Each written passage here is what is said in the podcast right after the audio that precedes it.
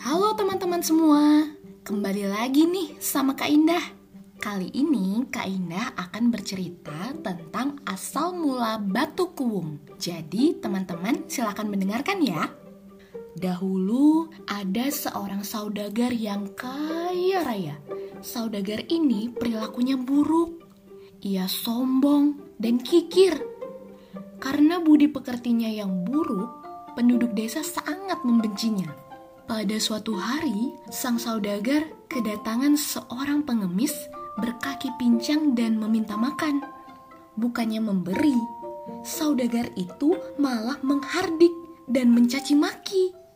Enak saja kamu minta-minta. Kau kira hartaku ini milik nenek moyangmu? Sudah, pergi sana. Si pengemis didorong oleh saudagar hingga jatuh dan tersungkur. Mendapat perlakuan seperti itu, Si pengemis pun marah. Dasar manusia sombong. Tunggulah, sebentar lagi kau akan mendapat balasan akibat perbuatanmu ini. Kata si pengemis sambil bangkit berdiri, kemudian pergi tanpa menoleh lagi. Keesokan harinya, ketika saudagar bangun tidur, kedua kakinya sulit digerakkan. Ia tak mampu bangkit dari kasurnya. Ia pun panik ia perintahkan kepada pegawainya untuk mencari tabib, dukun, atau orang sakti untuk mengobati penyakitnya. Namun, tak satu pun orang pintar yang berhasil mengobatinya. Kemudian, saudagar itu pun berjanji bahwa ia akan memberikan setengah dari hartanya kepada siapa saja yang dapat menyembuhkan penyakitnya. Mendengar hal itu, si pengemis berkaki pincang datang kembali dan menjelaskan apa yang menjadi penyebab lumpuhnya kaki saudagar tersebut.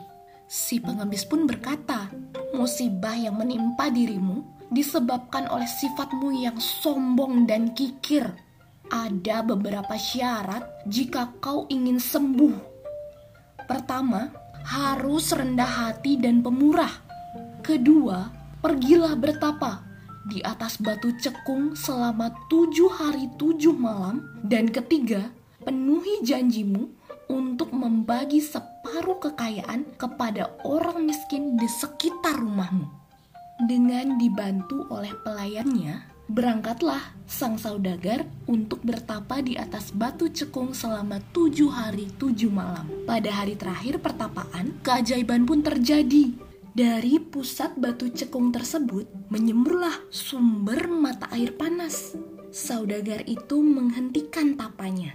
Ia mandi dengan sumber mata air panas itu. Sungguh aneh. Kedua kakinya yang semula lumpuh kini dapat ia gerakan kembali. Setelah berendam agak lama, ia pun kini dapat berjalan dengan normal. Setelah ia yakin telah sembuh seperti sedia kala, saudagar itu kembali ke rumahnya. Ia memenuhi janjinya, membagikan setengah harta kepada orang-orang miskin di sekitar tempat tinggalnya. Ia betul-betul telah berubah. Jika ada pengemis, buru-buru ia memberikan uang atau makanan yang sepantasnya. Ketika menikah, ia tidak memilih putri orang kaya, melainkan memilih gadis desa, anak seorang petani miskin. Kiranya pengalaman pahitnya yang dulu yang membuatnya tak bisa berjalan telah membuatnya insyaf, tidak lagi sombong, melainkan suka menolong sesama. Orang-orang yang dulu membencinya kini berbalik menyukainya.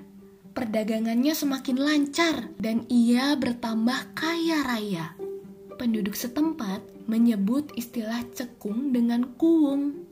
Maka batu cekung yang telah menjadi sebab kesembuhan si saudagar tersebut dinamakan batu kuung. Konon, berbagai macam penyakit dapat sembuh apabila mandi dengan sumber mata air panas batu kuung yang terletak di kaki Gunung Karang. Nah, teman-teman, demikian cerita asal mula batu kuung. Cerita ini adalah cerita rakyat dari Banten. Sampai berjumpa lagi pada cerita-cerita berikutnya ya. Dadah.